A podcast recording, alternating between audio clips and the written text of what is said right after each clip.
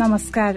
Radio कार्यक्रम स्वास्थ्य सन्देशमा स्वागत छ। म बिना उपाने। स्वास्थ्य सन्देशमा हामीले तपाईँ हाम्रै स्वास्थ्यमा देखिने समस्या अनि समाधान खोज्ने प्रयास गर्नेछौ। रेडियो क्यान्डिडेट बयानब्बे दशमलव सात मेगा हर्जमा कार्यक्रम स्वास्थ्य सन्देश तपाईँले हाम्रो website W W W dot radio candidate dot com हाम्रो आधिकारिक फेसबुक पेज रेडियो क्यान्डिडेटको एप्स डाउनलोड गरेर तथा पोडकास्टमा समेत सुन्न सक्नुहुनेछ। कोरोना संक्रमण बढेसँगै अस्पतालमा बिरामीको संख्या पनि बढ्न थालेको छ। अहिले लगभग चालिस प्रतिशतको हाराहारीमा कोरोना संक्रमित रहेको स्वास्थ्य तथा जनसंख्या मन्त्रालयले तथ्याङ्क निकालिरहेको छ।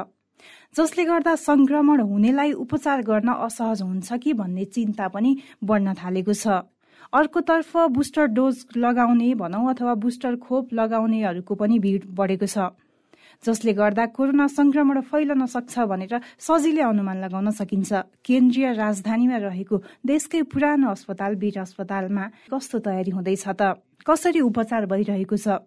कोरोना संक्रमितको उपचार गर्नको लागि युनिफाइड अस्पतालको रूपमा घोषणा भइसकेको अस्पतालमा अरू सेवा सुविधामा प्रभाव परेको छ कि छैन त? बाहिरबाट आउनेले उपचार कसरी पाउन सक्छन् भनेर आजको स्वास्थ्य सन्देशमा केन्द्रित हुनेछौ। तपाईँहरू सिधै आउनुभयो तर तपाईँको कोभिड पोजिटिभ छ तपाईँको इभन एन्टिजेन तन्त्र पनि पोजिटिभ छ र तपाईँलाई लक्षण छ तपाईँलाई अक्सिजन कम भएको छ भने त हामी भर्ना गरेर राख्छौँ राख्छौँ। तर तपाईँको अक्सिजन पनि ठिक छ तर तपाईँको घरमा होम आइसोलेसनमा बस्ने वातावरण छैन भने पनि हामी तपाईँलाई चाहिँ भर्ना गरेर राख्छौँ। कार्यक्रम सुरु गरौँ आजको जानकारीबाट। आजको जानकारीमा हामीले कोरोनाको खोप कार्ड हटायो भने के गर्ने त भनेर जानकारी दिँदैछौ। जानकारी प्रस्तुत गर्दै हुनुहुन्छ साथी यमुना राणा। कोरोनाको खोप कार्ड हरायो यसो गर्नुहोस्। कोभिड नाइन्टिन संकट व्यवस्थापन समन्वय केन्द्र सिसिएमसीले सार्वजनिक ठाउँमा कोरोना खोप कार्ड अनिवार्य गर्ने निर्णय गरेसँगै अब खोप कार्ड खोज्नुपर्ने अवस्था आएको छ। झण्डै एक वर्ष अघि नै खोप लगाइसकेका र विदेश आउजाउ गरिरहनु नपर्नेहरूको लागि नेपालमा यसअघि खोप कार्ड देखाइरहनु पर्ने आवश्यकता थिएन।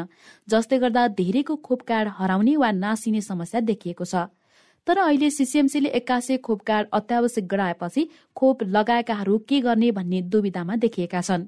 कोरोना खोप लगाएको कार्ड हराएको छ भने जुन जिल्लामा खोप लगाएको हो सोही जिल्लाको स्वास्थ्य कार्यालयमा गएर कोरोना खोप कार्ड बनाउन सकिन्छ। कोरोना खोप कार्ड लगाएको रेकर्ड सम्बन्धित जिल्ला स्वास्थ्य कार्यालयमा बुझाइने भएकाले सम्बन्धित जिल्लामै गएर नयाँ कार्ड बनाउन सकिन्छ। हुन त खोप कार्ड भन्दा पनि कार्डको फोटोलाई अनिवार्य गरिएको छ। त्यसैले कार्ड हराएको भए पनि खोप कार्डको फोटो देखाएर पनि सार्वजनिक सेवा लिन सकिन्छ। तर नयाँ खोप कार्ड नै बनाउनु पर्ने अवस्था भएमा जिल्ला स्वास्थ्य कार्यालयमा सम्पर्क गर्नुपर्ने हुन्छ। कोरोनाको खोप कार्ड हटायो अथवा खोप कार्ड छैन भने के गर्ने भनेर जानकारी दिँदै हुनुहुन्थ्यो साथी यमुना राणा। रेडियो क्यान्डिड बयानब्बे दशमलव सात मेगा हर्जमा कार्यक्रम स्वास्थ्य सन्देश तपाईँले हाम्रो website W W W dot radio candid dot com हाम्रो आधिकारिक फेसबुक पेज रेडियो क्यान्डिडको एप्स डाउनलोड गरेर तथा पोडकास्टमा समेत सुन्न सक्नुहुनेछ। वीर अस्पताल भन्ने बित्तिकै नेपालको सबैभन्दा पुरानो अस्पताल भनेर धेरैजनाले चिन्नुहुन्छ। तर अहिले वीर अस्पताललाई हेर्ने नजर पनि फेरिएको छ। कोभिड युनिफाइड अस्पताल भनेर वीर अस्पतालले आफ्नो पहिचान पाइसकेको छ। कोरोनाको उपचारको लागि भनेर अहिले टोल फ्री नम्बर एघार तेत्तिस पनि सुचारू गरिएको छ। जसमा फोन गरेर निशुल्क रूपमा कोरोनाको बारेमा अथवा वीर अस्पतालमा हुने अरू सेवाको बारेमा पनि जानकारी लिन सकिन्छ। कोरोना संक्रमण बढेसँगै अस्पतालकै छयत्तर जना स्वास्थ्य कर्मी पनि संक्रमित भइसकेका छन्। यसले अस्पतालको उपचारमा प्रभाव पर्छ कि पर्दैन? अहिले उपचार कसरी भइरहेको छ? साथै बुस्टर डोज खोप पनि कसरी दिएको छ भनेर आजको स्वास्थ्य सन्देशमा केन्द्रित हुँदैछौं। कुराकानीको लागि हामीसँग हुनुहुन्छ वीर अस्पतालका उपनिर्देशक तथा छाती रोग विशेषज्ञ डाक्टर प्रज्वल श्रेष्ठ। स्वागत छ डाक्टर साहब स्वास्थ्य सन्देशमा। हजुर बिनाजी धन्यवाद हजुर। नमस्ते सबैजनालाई। यो पछिल्लो समय अब कोरोना संक्रमण तीव्र गतिमा बढेको छ भनौँ डाक्टर साहब होइन? अब वीर अस्पतालमा चाहिँ उपचार कसरी भइरहेको छ? वीर अस्पतालमा चाहिँ हामीले यो कोभिड उन्नाइसको दोस्रो लहरको लगभग अन्त्यदेखि नै त्यस त्यस पश्चात हामीले नयाँ जुन बिल्डिङ बनेको छ सर्जिकल बिल्डिङ त्यो बिल्डिङ मार्फत चाहिँ हामीले कोभिड उन्नाइसका बिमार बिरामीहरूलाई चाहिँ सेवा दिइरहेका छौँ। त्यो त्यो बिल्डिङको चाहिँ फुल क्यापेसिटी पूर्ण क्षमता भनेको चाहिँ पाँच सय बेडको हो। तर अहिलेको लागि चाहिँ हामीले त्यहाँ अहिले दुई सय एकतिसवटा बेड चाहिँ एकदम रेडी अवस्थामा एकदमै सञ्चालन गर्ने स्ट्यान्ड बाई अवस्थामा छ। र त्यो दुई सय एकतिसवटा बेड मध्ये आजको डाटा अनुसार चाहिँ अहिले हामीसँग अस्सीजना पेसेन्टहरू चाहिँ भर्ना हुनुहुन्छ।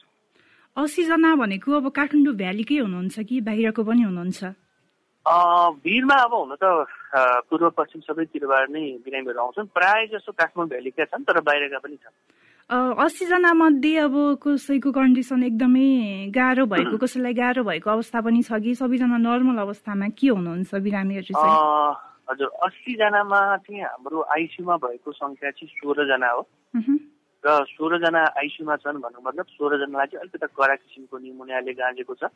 र त्यो सोह्रजना मध्ये पनि बाह्रजनालाई चाहिँ अलिकति हाई फ्लो अक्सिजन लिएर पुगेको छ भने चारजनालाई चाहिँ भेन्टिलेटरमै राखेर उपचार गर्नुपर्ने अवस्था आएको छ। कतिजनाले भन्नुहुन्छ अब वीर अस्पताल भनिसकेपछि पूर्वदेखि पश्चिमसम्म वीर अस्पताल भनिसकेपछि त्यो मान्छेले हेर्ने नजर नै छुट्टै छ क्या उपचारको लागि होइन? तर त्यहाँ गइसकेर उपचार गर्नेले चाहिँ गुनासो गर्नुहुन्छ कि बाहिरबाट जस्तो सोचेर आयो त्यस्तो पाउँदैनौ भनेर यो चाहिँ के कारणले गर्दा भइरहेछ? अब यो अहिले चाहिँ म त्यस्तो पनि होइन भने भन्छु किनभने पहिलो र दोस्रो लहरमा चाहिँ डेफिनेटली वीर अस्पतालमा पेसेन्टहरूलाई म्यानेजमेन्ट गर्न व्यवस्थापन गर्न एकदमै कठिनाइ भएको थियो चुनौती नै रहेको थियो। त्यो अनुसारले पनि त्यो अनुसारको इमेज पनि गयो बाहिर। तर हामीले दोस्रो मैले अघि पनि भने जुन यो दोस्रो लहर सकिसकेपछि जुन हाम्रो नयाँ बिल्डिङ तयार भयो त्यसपछि चाहिँ हामीले नयाँ भवनमा मैले भनिहालेँ पाँच सयवटा बेडको क्यापेसिटीमा दुई सय तिसवटा बेड चाहिँ रेडी छ। त्यसमा सयवटा आइसियु बेड छ हामीसँग सयवटा एचडियु बेड छ है।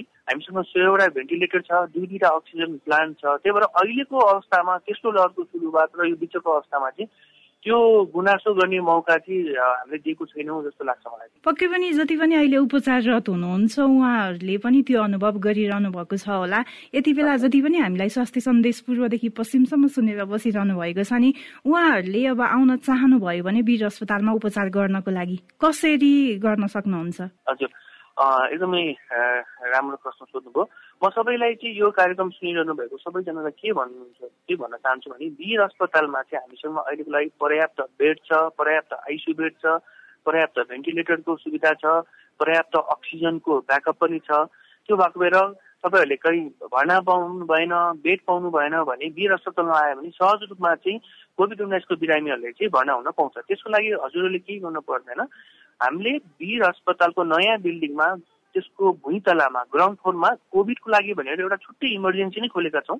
पछिल्लो चार महिनादेखि र तपाईँहरू सिधै त्यो इमर्जेन्सीमा कोभिड तपाईँ पोजिटिभ हुनुहुन्छ भने सिधै त्यो पोजिटिभ रिपोर्ट लिएर चौबिसै घन्टा कुनै पनि बेला तपाईँ त्यहाँ आउनु भने त्यहाँ एउटा मेडिकल डक्टर दुईजना मेडिकल डक्टर चाहिँ स्ट्यान्ड बाई बसेका हुन्छन् र उनीहरू मार्फत तपाईँहरूको भर्ना पनि सहज रूपमा हुन्छ। त्यही भएर हामीसँग बेडको कमी छैन र अहिलेको लागि ह्युमन रिसोर्स अलिकता पछिल्लो सात पाँच सात दिनदेखि अलिकता आफ्नै स्टाफहरू कोही बाहिर अलिकति गाह्रो भए पनि तर ह्युमन रिसोर्स जनशक्ति पनि हामीसँग अहिलेसम्म चाहिँ पर्याप्त नै छन् भन्न चाहन्छु। अब मानौ कोही हामीलाई यति बेला सुनिरहनु भएको मध्ये कसैलाई कोरोना पोजिटिभ पनि भएको छ होइन? डाक्टर साहब उहाँहरू आएर चाहिँ सिधै त्यो नयाँ बिल्डिङमा बस्न पाउनुहुन्छ कि? त्यसको लागि पनि यस्तो यस्तो क्राइटेरिया चाहिँ छ हाम्रो भन्ने के छ? त्यस्तो क्राइटेरिया चाहिँ अहिलेसम्म छैन। म अब सपोज तपाईँ काठमाडौँ भ्याली बाहिर हुनुहुन्छ अथवा काठमाडौँ उपत्यकाभित्रै हुनुहुन्छ भने हामीले सोही बिल्डिङको माथिल्लो छैठौँ तलामा टेली कन्सल्टेसन सेवा पनि सुरु गरेको छौँ है। म यही कार्यक्रम मार्फत भन्न चाहन्छु। तपाईँहरूले एघार तेत्तिस है नम्बर टिप्नु होला। एघार तेत्तिस नम्बर यो चाहिँ पैसा नलाग्ने निशुल्क नम्बर हो टोल फ्री नम्बर हो। यो नम्बरमा फोन गर्नु भयो भने पनि तपाईँलाई कसरी आउने कहाँ आउने भन्ने सूचना उनीहरूले पनि प्रवाह गर्दछन्। यस्तो कुनै तपाईँलाई दुविधा छ भने यो नम्बरमा पनि फोन गरेर आउनु सक्नुहुन्छ।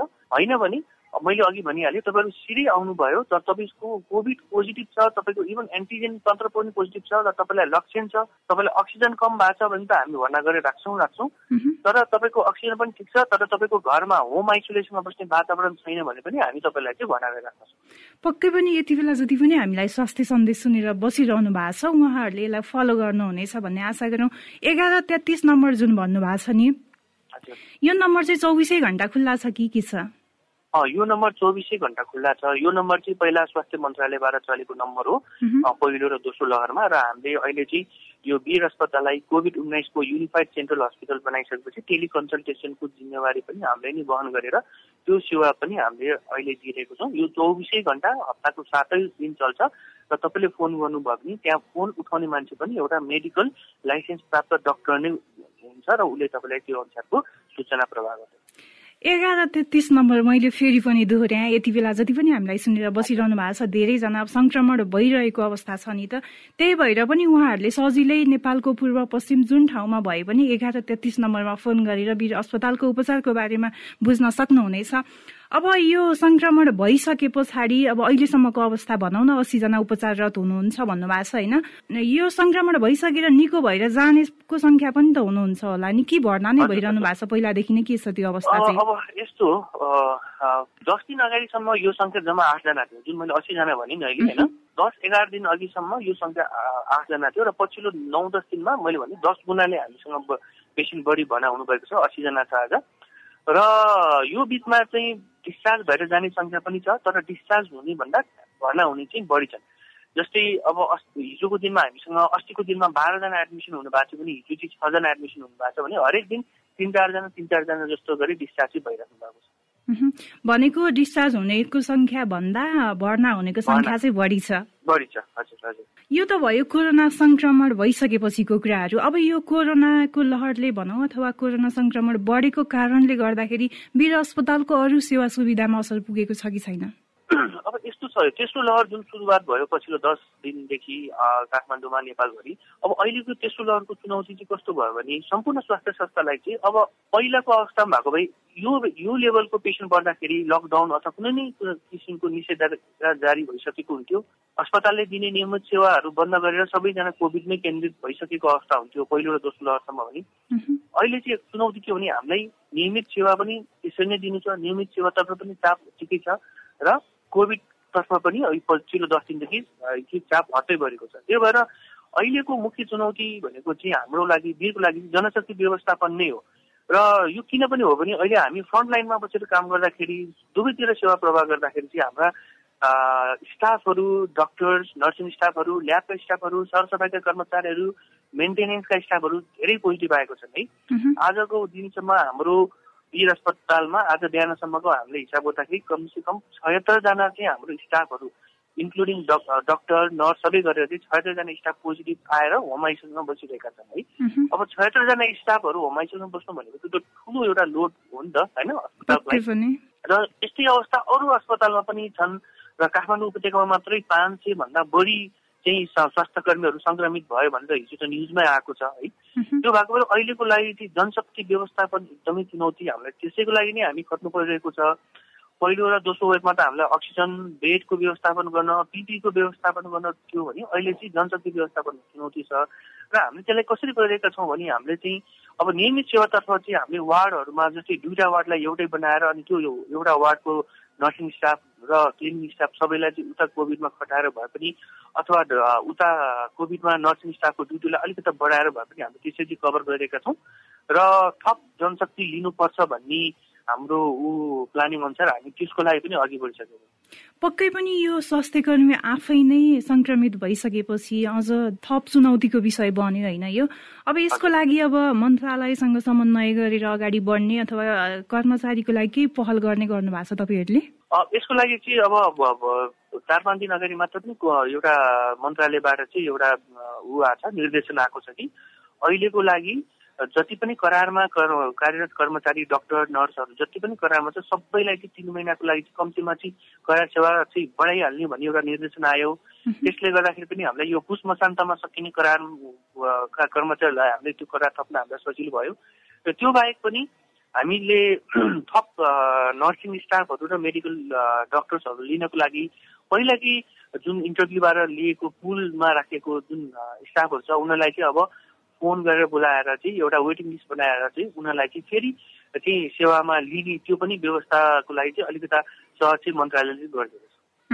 पक्कै पनि यसले थप सहजता त लिएर आउने नै छ रक्षा होइन? यति बेला हामीलाई जति पनि स्वास्थ्य सन्देश सुनेर बसिरहनु भएको छ कतिपय वीर अस्पतालमा आएर उपचार लिइसक्नु भएको पनि छ होला। कतिपयले अब गाह्रो भयो भने अहिले अब एघार तेत्तिस नम्बर जुन भन्नुभएको छ नि त्यसले गर्दा पनि वीर अस्पतालमा उपचारको लागि सहज रहेछ आउँछौ भनेर सोचिरहनु भएको छ होला।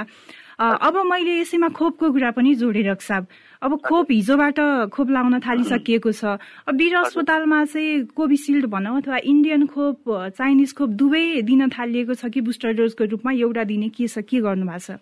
बुस्टर डोज भन्नाले तेस्रोको तेस्रो डोज भनेर बुझौँ हामी सबैले र बुढी अस्पतालमा आजको दिनमा चाहिँ हामीले कोभिसिल्ड र भेरोसिल र इन्डियन भ्याक्सिन अथवा र चाइनिज भ्याक्सिन दुवै चाहिँ हामीले चाहिँ बुस्टर डोजको रूपमा चाहिँ अहिले भएर सुरु भएको छ।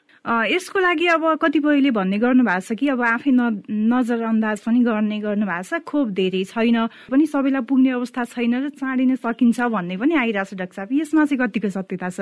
अब यस्तो हो बुस्टर डोज अब सबैलाई लगाउन जति पनि अहिलेसम्म लगाएको सबै लगाउन डेफिनेटली त्यस्तो पर्याप्त नहोला। तर त्यही भएर सरकारले अहिलेको लागि बुस्टर डोज जुन आजबाट सुरु भएको छ त्यसलाई क्राइटेरिया राखिदिएको छ है त?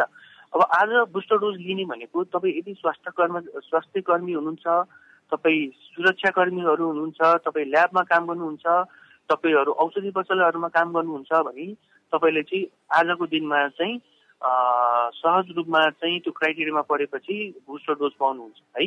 र त्यसै गरी सरकारले त्यही रूपमा अब चौध गतेपछि चाहिँ अब उमेर समूहलाई पनि ल पैँसठी वर्षभन्दा माथिकोलाई पनि चाहिँ चौध गतेबाट दिने भन्ने सूचना आएको छ। त्यही भएर अब एकैचोटि दिँदाखेरि चाहिँ डेफिनेटली त्यो चाहिँ सङ्ख्या पुग्दैन। त्यही भएर स्टेप वाइज सुरुमा जसरी हामीले फर्स्ट डोज लगाउँदाखेरि पनि यसरी गरेको थियो नि त होइन? उच्च जोखिममा रहेका फ्रन्ट लाइनरहरूलाई सुरुमा दिएपछि अग्र सब्जेक्ट गएको थियो। त्यसरी नै यो रणनीति अनुसार सरकारको रणनीति अनुसार अहिले चाहिँ स्वास्थ्य कर्मी सुरक्षाकर्मीहरू सरसफाइका कर्मचारीहरूदेखि लिएर अरू औषधिमा काम गर्नेहरूलाई उनीहरूलाई दिएको छ आजको भने बिस्तारै यो चाहिँ क्राइटेरिया बढाउँदै लान्छ।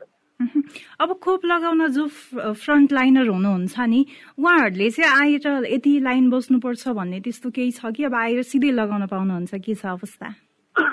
अब लाइनिङ बस्नु नपर्ने भन्ने चाहिँ होइन जस्तै म अहिले भर्खरै पनि खोप केन्द्र खोपको केन्द्रमा गएर फर्केँ। लाइन छ तर त्यति धेरै छैन। तपाईँले पाँचदेखि दस मिनटको म्याक्सिमम लाइन बस्नु भएर आफ्नो एउटा आइडी कार्ड र पुरानो दुई डोज लगाएको कार्ड ल्याउनु भयो भने सजिलोमा पाउनुहुन्छ। कतिपयले भन्ने गर्नु भएको छ अब अहिले भर्खर खोप सुरु बुस्टर डोज सुरु भए पनि त्यो चापले गर्दाखेरि चाहिँ कोरोना संक्रमण त्यहीँबाट फैलिन सक्छ भन्ने अनुमान पनि गरिरहनु भएको छ त्यही भएर मैले सोधेँ। हो हो।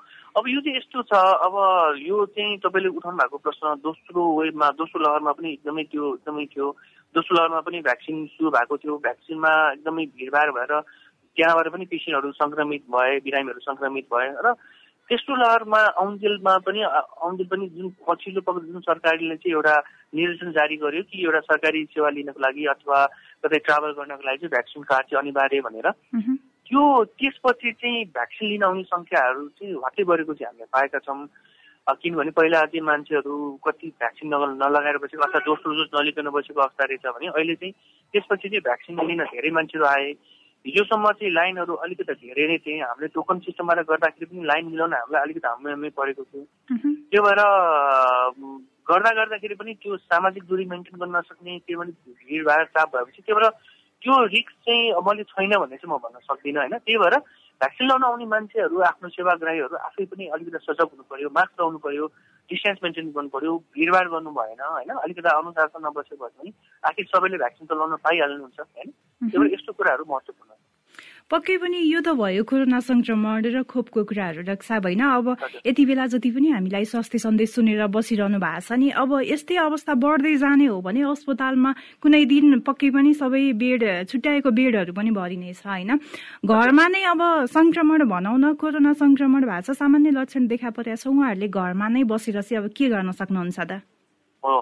अब अहिलेको त्यसो लहरको परिप्रेक्ष्यमा त म त के भन्छु भने धेरैभन्दा धेरै बिरामीहरू सङ्क्रमितहरूको लगभग साठीदेखि अस्सी प्रतिशत बिरामीहरू त घरमै छन् जस्तो लाग्छ मलाई। किनभने योपालि तेस्रो लहरको चाहिँ लक्षणहरू त्यस्तो धेरै कडा रूपमा प्रस्तुत भइसकेको छैन। जुन दोस्रो लहरमा जुन डेल्टाले गरेको थियो दोस्रो लहरमा होइन? त्यो भएको भएर जुन तपाईँहरू बिमारीहरू चाहिँ सङ्क्रमण भएर पोजिटिभ आएर घरमा बसिराख्नु भएको छ सामान्य लक्षण छ भने तपाईँलाई त्यसलाई चिकित्सकको सल्लाह लिएर स्वास्थ्य कर्मीको सल्लाह लिएर त्यही अनुरूप उपचार गर्नुहोला। आफ्नो खानपानमा विशेष ध्यान दिनुहोला। आइसोलेसनमा बस्नु होला अनुशासन पालन गरेर घरमा बस्दाखेरि पनि सामाजिक दूरी पालना गर्ने मास्क लगाउने हातको सरसफाइमा ध्यान दिने त्यो गर्नुहोला। ज्वरो आएको छ भने सिटामोल खानु होला ज्वरो आएको बराबर। अरू तपाईँले खोकी लागेको छ भने त्यही खोकीको औषधिहरू पनि खान सक्नुहुन्छ तातो पानी पिउनु सक्नुहुन्छ र झोलिलो कुराहरू प्रशस्त खानु होला र यदि तपाईँलाई चाहिँ ज्वरो उच्च ज्वरो चाहिँ आइ नै राख्यो तिन दिनदेखि अथवा पाँच दिनभन्दा बढी उच्च ज्वरो आइराखेको छ जिउ धेरै गलेको छ र सास फेर्न पनि अलिकति समस्या भएको छ र यदि तपाईँले घरमा अक्सिजन राख्नु भएको छ र अक्सिजनको मात्रा अक्सिजन सेचुरेसन भन्ने भन्छौँ यदि त्यो चौरानब्बे प्रतिशतभन्दा कममा आएको छ भने चाहिँ तपाईँले चाहिँ घरमा बसेर हुँदैन अस्पतालमै गएर चिकित्सकको निगरानीमा भर्ना भएर बस्नुपर्छ तपाईँको थप उपचार अगाडि बढाउन चाहनु पर्ने हुन्छ। त्यही भएर तपाईँले घरमा चाहिँ अक्सिजन पनि आफ्नो बेला बेलामा हेर्ने गर्नु होला सेचुरेसन कति छ भनेर। खानपिनमा विशेष ध्यान र होम आइसोलेसनको चाहिँ अनुशासन पालना गर्नु होला भन्ने म भन्छु। यहाँको महत्वपूर्ण समय र जानकारी स्वास्थ्य सन्देशमा आएर राखिदिनु भयो त्यसको लागि धेरै धेरै धन्यवाद। हुन्छ बिनाजी तपाईँको पनि यो कार्यक्रमबाट मैले धेरै मान्छेहरूलाई चाहिँ एउटा छोटो समयमा धेरै एउटा उपयोगी जानकारी दिन सके कोभिड उन्नाइसको सम्बन्धमा भन्ने मलाई लागेको छ। र यसले चाहिँ यो सम्बन्ध यो कार्यक्रम सुनिरहनु भएकोलाई डेफिनेटली फाइदा पुग्नेछ भन्ने मैले आशा राखेको छु। हस्त धन्यवाद। वीर अस्पतालमा कसरी उपचार भइरहेको छ? कोरोना संक्रमितले गर्दा अरू सेवा उपचारमा कमी आएको छ कि छैन? कोरोना संक्रमितले कसरी सहज रूपमा उपचार पाउन सक्छन् भनेर जानकारी दिँदै हुनुहुन्थ्यो। वीर अस्पतालका उपनिर्देशक तथा छातीरोग विशेषज्ञ डाक्टर प्रज्वल श्रेष्ठ। कुराकानीपछि अब लागौँ जानिराखौँ सेगमेन्टतर्फ स्वास्थ्य टिप्स। जानिराखौँ सेगमेन्टमा हामीले ओमिक्रोन भएको कसरी थाहा पाउने अनि कस्तो अवस्थामा अस्पताल जाने भनेर आजको टिप्स दिँदैछौ। टिप्सको साथमा हुनुहुन्छ साथी विद्या तामाङ। ओमिक्रोन भएको कसरी थाहा पाउने त? यी पाँच लक्षणहरू घाँटी दुख्ने असहज हुने थकान महसुस हुने टाउको र शरीरका मांसपेशी दुख्ने हल्का शरीर तातिएको महसुस हुने नाकबाट पानी आउने बन्द हुने। माथि उल्लेखित लक्षणहरू सामान्यतया खोप लगाएकाहरूमा नै देखिएका थिए। यी बाहेक अघिल्लो भेरिएन्टहरूमा देखिँदै आइरहेका उच्च ज्वरो खोकी श्वास प्रश्वासमा असहजता तथा स्वाद गन्ध थाहा नपाउने जस्ता लक्षणहरू पनि नदेखिने भन्ने चाहिँ होइन। खोप लगाउनेहरूमा संक्रमण हुन सक्ने भए पनि जटिल अवस्था आउने वा मृत्यु हुने जोखिमलाई घटाउने विभिन्न अध्ययन अनुसन्धान र लेखकको अनुभवबाट देखिन्छ। तसर्थ खोप लगाउनमा सबैको अर्जुन दृष्टि हुन अति जरुरी देखिन्छ। ओमिक्रोन भए के गर्ने? कडा रुघा वा जिउ दुख्ने जाडो हुने भएमा तत्काल पीसीआर टेस्ट गर्ने रोग थाहा पाउनु भनेको उपचारको बाटो क्लियर हुनु हो। पीसीआर पोजिटिभ देखिएमा डर नमान्ने पटक्कै नआतिने खोप लगाएका व्यक्तिमा सामान्य लक्षण देखिएर निको हुन्छ। विभिन्न अनुसन्धानले देखाएका छन् कोभिडमा घरेलु उपचार प्रभावकारी छ। बेसार अदुवा ज्वानो मरिच तुलसीका पात तथा कागती पानी पकाएर पटक पटक सेवन गर्ने मनतातो पानी प्रशस्त मात्रामा पटक पटक पिउने। पोसिलो तथा विविध प्रकारका खाना खाने जङ्क फुड नखाने चिसो बाहेक अन्य खाना बार्नु पर्दैन। इम्युन्यू प्लस इम्युन्यू केयर इम्युनोभिर लगायतका हर्बल औषधि रोग प्रतिरोधात्मक क्षमता बढाउने आयुर्वेद चिकित्सा वा स्वास्थ्य कर्मीको सल्लाहमा सेवन गर्ने। ज्वरो आएमा टाउको दुखेमा शरीर दुखेमा पारासिटामोल खोकी लागेमा एलर्जीको ट्याब्लेट कफ सिरप नाक बन्द भएमा नेजल ड्रप आदिको प्रयोग गर्ने घाँटी दुखेमा गार्गल सोलुसनले पटक पटक खुल्ला गर्ने। घाम ताप्ने हल्का व्यायाम गर्ने योग गर्ने ध्यान गर्ने भेन्टिलेसन पर्याप्त भएको ठाउँमा बस्ने तथा सकारात्मक सोच राख्ने। अक्सिमिटरले अक्सिजन नापिरहने घाँटी धेरै दुखेमा सामान्य उपचारले खोकी वा ज्वरो निको नभएमा चिकित्सकको सुझाव अनुसार एन्टिबायोटिक प्रयोग गर्ने। अक्सिजनको स्तर घटेमा सास फेर्न गाह्रो भएमा खाना खान नसकेमा तथा अन्य गाह्रो भएमा तुरन्त अस्पताल जाने। ओमिक्रोन भएको कसरी थाहा पाउने? हामीले घरमा नै के के गर्न सकिन्छ? कस्तो अवस्थामा अस्पताल जानै पर्छ भनेर टिप्स दिँदै हुनुहुन्थ्यो साथी विद्या तामाङ। रेडियो क्यान्डिडेट बयानब्बे दशमलव सात मेगा हर्जमा कार्यक्रम स्वास्थ्य सन्देश तपाईँले हाम्रो website W W W dot radio candidate dot com हाम्रो आधिकारिक फेसबुक पेज रेडियो क्यान्डिडेटको एप्स डाउनलोड गरेर तथा पोडकास्टमा समेत सुन्न सक्नुहुनेछ। रेडियो कार्यक्रम स्वास्थ्य सन्देश तपाईँलाई कस्तो लाग्यो? हामीलाई सल्लाह सुझाव र प्रतिक्रिया दिन नभुल्नुहोला। त्यसको लागि हाम्रो ठेगाना हो कार्यक्रम स्वास्थ्य सन्देश रेडियो क्यान्डिडेट बयानब्बे दशमलव सात मेगा हर्स दरबार मार्ग काठमाडौँ। यस्तै हामीलाई हाम्रो फेसबुक पेजमा म्यासेज तथा इमेल ठेगाना radio candidate ninety two point seven at the rate gmail dot कममा मेल गर्न सक्नुहुनेछ। हवस् त नियमित कार्यक्रम स्वास्थ्य सन्देश भोलि यही समयमा फरक विषयवस्तुका साथ उपस्थित हुनेछौँ। कार्यक्रम अवधिभर प्रविधिमा साथ दिने सृजना भुजेल सहित कार्यक्रम स्वास्थ्य सन्देशबाट बिना उपाने विदा हुन्छु। नमस्कार।